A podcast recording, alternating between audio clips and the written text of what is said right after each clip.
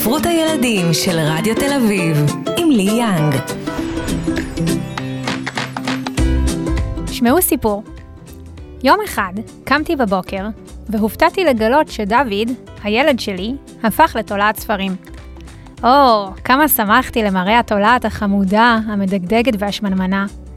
כדי לא להפחיד אתכם, אני רוצה להסביר. דוד לא באמת הפך לתולעת, כלומר החיה, אבל הוא התחיל לקרוא המון המון ספרים. הוא ממש בלע אותם אחד אחרי השני. הוא עבר ספר אחר ספר, מספרי הבישול לספרים על מספרים, ספרי פעוטות, ספרי הדרכה להורים, וקינח ב"אמא, משעמם לי, תכתבי עוד ספרים". מכיוון שספר לא כותבים בדקה, למרות שיש כאלה שכן, אבל זה כבר נושא אחר לשיחה, יצאתי לחנות הספרים בשמחה. הילד תולעת, יש לי הרבה עבודה. בחנות, נח על הדוכן בכניסה, קצת ספר עם הרבה כוכבי פלסטיק זוהרים. המוכרת קבעה, את זה כולם קוראים. הספר נראה לי קצת כמו שיווק לקטנטנים. אז עברתי למדף, בחרתי ספר, עברתי דף-דף. המוכרת הגיעה שוב בעורמה. עזבי את המדף, בואי לקדמת הבמה. לאלו מכם שלא מכירים, הבמה היא האזור בחנות שבו מקדמים ספרים. קחי לך בבקשה שלושה, זה במבצע. התבלבלתי מהמבחר ופניתי אליה. יש לך אולי המלצה? קיבלנו ספר על חתול שנגמל מחיתול, החדש של הסופר איקס עיגול. והוא ספר טוב?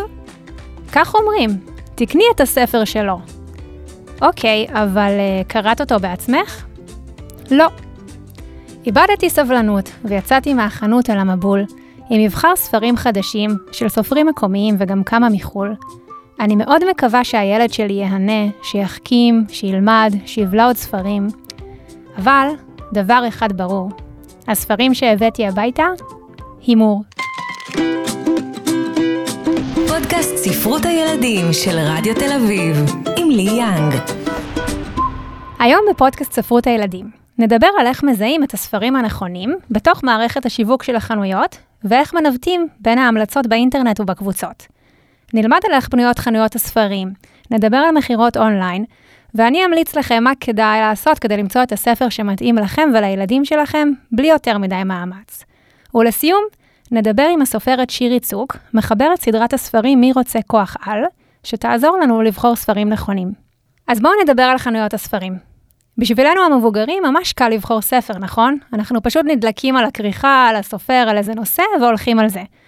אבל ילדים, מדי שנה יוצאים אלפי ספרים, והמספרים רק הולכים וגדלים. כולם כותבים, כולם כותבים הרבה, השוק מאוד השתנה, יש הוצאות פרטיות, הוצאות קטנות, הוצאות עצמאיות, ועוד כל מיני דרכים uh, לנקודת מכירה. אז עם כל המבחר הזה, מה אפשר לעשות? הרי ילדים זה לא קהל אחד עם סממנים מובנים. אי אפשר להגיד שכולם אוהבים חרוזים או ספרים על צעצועים. אז למרות ההתקדמות הטכנולוגית, הקהל הישראלי עדיין אוהב לקנות את הספרים שלו בחנויות הפיזיות.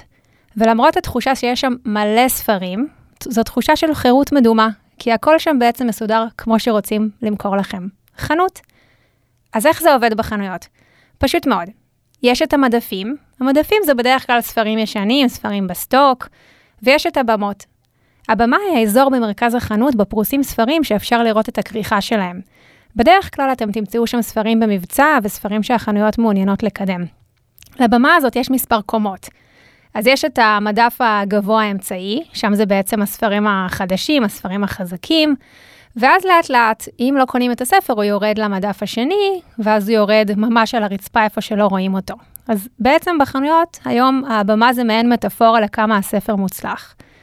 אה, אחר כך הוא עובר למדף בחנות, ויום אחד העודפים נעלמים בחזרה למחסנים, אל ההוצאות או אל הסופר. אה, התחלופה על הבמות יכולה להיות כל חודש, כל שלושה חודשים, שמחליפים סטוקים, אבל שוב, זה תלוי בכמה פופולרי הספר, והתחרות היא מאוד מאוד קשה. אתם תשימו לב שבדרך כלל הספרים שמוצעים לכם הם במבצע. עכשיו, נכון, כולם אוהבים את המבצעים, את הספרים הזולים, אבל זה כבר לא רק הלקוחות שרוצים זול. סופרי הילדים היום, ובמיוחד אלה שעוד צריכים להוכיח את עצמם, ממש ממש מתחננים שהספרים שלהם ייכנסו למבצעים.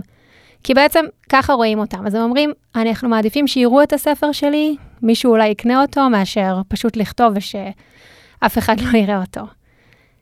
נדבר על המוכרים. אז המוכרים בדרך כלל הם אנשים שמאוד אוהבים ספרים, והם אנשים מקסימים. יש כאלה שמאוד אוהבים ספרי ילדים, אז באמת שווה להיכנס איתם לשיחה. אבל יש המון שזה לא כזה מעניין אותם, ופשוט ממליצים להם להמליץ לכם על ספר.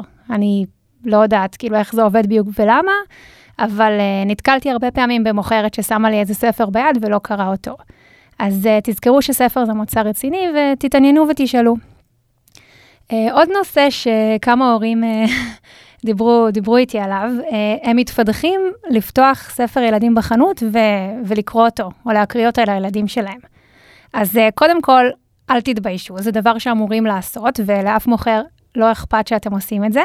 ואם אתם עם הילדים שיכולים להקשיב, אז זה בכלל בונוס. ואם אתם תתביישו, אז אתם סתם תקנו, או לא סתם, אבל אתם תקנו ספר שאתם כבר מכירים, אז לא תחדשו יותר מדי, או שתלכו על משהו שראיתם בתור המלצה, שלא בטוח שתהיה טובה, או שתקנו ספר של אה, סופר שאתם מכירים, אבל ספר חדש, שגם הוא לא בטוח שיהיה טוב. נעבור לדבר קצת על קניות אונליין.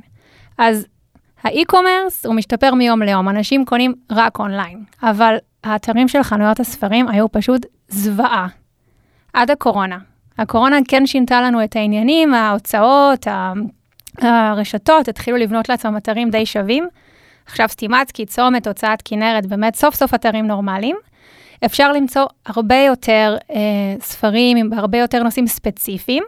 כמובן זה לא אמזון ולא חו"ל, אז הפילטרים הם קצת בעייתיים, אבל בכל זאת, אם יש לכם סבלנות, אתם תמצאו הרבה יותר ממה שיש בחנויות. ועם הקניות אונליין, אז יש את הרשתות החברתיות שמלאות בהמלצות על ספרים. קבוצות פייסבוק, מעולות מעולות, כאילו מלא הורים, מלא אנשים שסתם אוהבים לדבר על ספרי ילדים, אה, בלוגריות. עכשיו, מה? צריך קצת להיזהר, כי יש לנו כל מיני יחצנים ש... הם חברים של בלוגריות למשל, והם נותנים להם ספרים באופן קבוע, והם מקבלים המלצות. אז כאילו יש המון ש, שרוצים או רוצות לקבל ספרים בחינם, או כל מיני כאלה פרקים, ולהוציא ביקורת על ספר. אז שוב, כאילו, כשאתם קוראים משהו כזה, תמיד תנסו לחשוב, כאילו, מי, מי זה הסוקר הזה, או מי זה הבלוגרית הזאת, ולראות מה הם עוד עשו, האם הם ממליצות על כאילו ספרים שהם אה, איכותיים, או שרואים שזה כזה מין שרשרת ספרים שאיזה יחצן מביא להם. אה, בקיצר, לא להשמיץ אף אחד כמובן, כי יש לנו המון קבוצות והמון בלוגרים טובים, אבל אה, זה כן משהו שחשוב לזהות, כי יש המון המון פרסמות. אז איך בוחרים? הנה כמה המלצות ממני על איך למצוא את הספר בשביל הילדים שלכם. המטרה היא קודם כל הנאה, אוקיי? חשוב לזכור את זה לפני כל מיני אג'נדות. אם אתם לא תהנו, אם הילדים לא יענו, כנראה שלא יהיה כיף. אה, לקרוא בקול רם, כמו שאמרתי בחנות, בלי להתבייש, זה חשוב. ואם לא בקול רם, אז בקול כלשהו. לאף אחד לא אכפת, ותרגישו את הסיפור. עכשיו, למה לשים לב? נגיד, אם אתם קוראים והסיפור לא קל לקריאה, אז זה לא טוב. כאילו, העבודה שלכם היא שיהיה לכם נעים לקרוא, וסביר להניח שאם יש המון מלל וזה נורא כבד, אז הילד ירגיש אותו דבר וגם יאבד את הריכוז. ומה עם האיורים? לילדים יש טביעת עין מעולה בקשר לאיורים, אז תנו להם להסתכל עליהם. הם יודעים מה הם אוהבים. דבר שלישי, נושאים שהילד מתעניין בהם.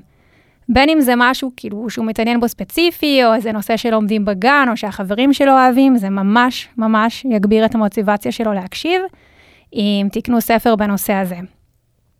אני רוצה לסיים אה, ולהגיד שאחרי כל הסקירה הזאת, אה, בשוק שלנו יש המון ספרים טובים. ואנחנו ברי מזל שיש לנו כאלה סופרים בארץ וכאלה הוצאות לאור, וגם יבוא איכותי מחו"ל. אז המשימה היא לא באמת כזאת קשה, למצוא ספר טוב, אבל כן, כדאי לפתוח את העיניים ולא ללכת על אוטומט. אז אה, שלום לסופרת שירי צוק, מחברת סדרת הספרים מי רוצה כוח על. היי, מי, מה נשמע? Uh, הכל בסדר. אז uh, שירי, אני יודעת שאת מקבלת לידייך המון ספרים, ושאת קוראת המון, ספרים, וגם את יודעת איך לגרום לילדים שלנו לקרוא. Um, אז יש לי הרבה שאלות. אני אתחיל בשאלה פשוטה. Um, חנויות ספרים, בחירת ספר, בחירת ספר נכון, איך אפשר לנווט בחנות בין כל הפיתויים ובעצם לבחור את הספר שמתאים לנו, לילדים שלנו? זה יפה שאת אומרת את השאלה הפשוטה, אז אני מנסה לחשוב מה השאלות הבאות. תראי, בתור התחלה, הרבה יותר פשוט הכל הם באים עם הילד. או לחנות ספרים, או לספרייה, לא לבוא לשתי דקות להגיד, תני לי משהו לילד בן שמונה ולברוח.